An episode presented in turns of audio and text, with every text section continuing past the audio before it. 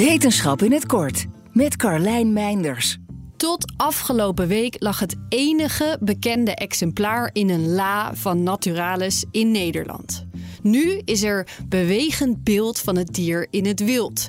De langsnavelige mierenegel die de naam draagt van Sir David Attenborough blijkt niet uitgestorven te zijn.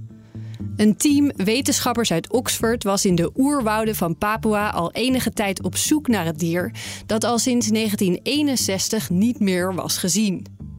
Door de jaren heen waren er wel wat vroedplekken gevonden die qua vorm overeenkomen met de snavel van het beestje.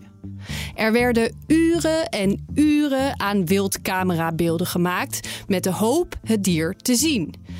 En op de laatste dag van de expeditie, toen ze de laatste camera hadden opgehaald en het allerlaatste SD-kaartje werd bekeken, zagen ze hem voorbij wandelen. Er bestaan nog drie andere soorten van dit eierleggende zoogdier met de stekels van een egel en de snuit van een miereneter, elk met een net andere lengte neus. Maar die leven op hele andere plekken dan waar dit dier is gezien. De stukken oerwoud waar ze de uiteindelijke ontdekking deden, zijn noodwaar moeilijk te bereiken. En ze doorkruisen was niet zonder risico en botbreuken. Maar het leverde wel deze bijzondere vondst en een indrukwekkend lijstje niet eerder ontdekte beestjes op.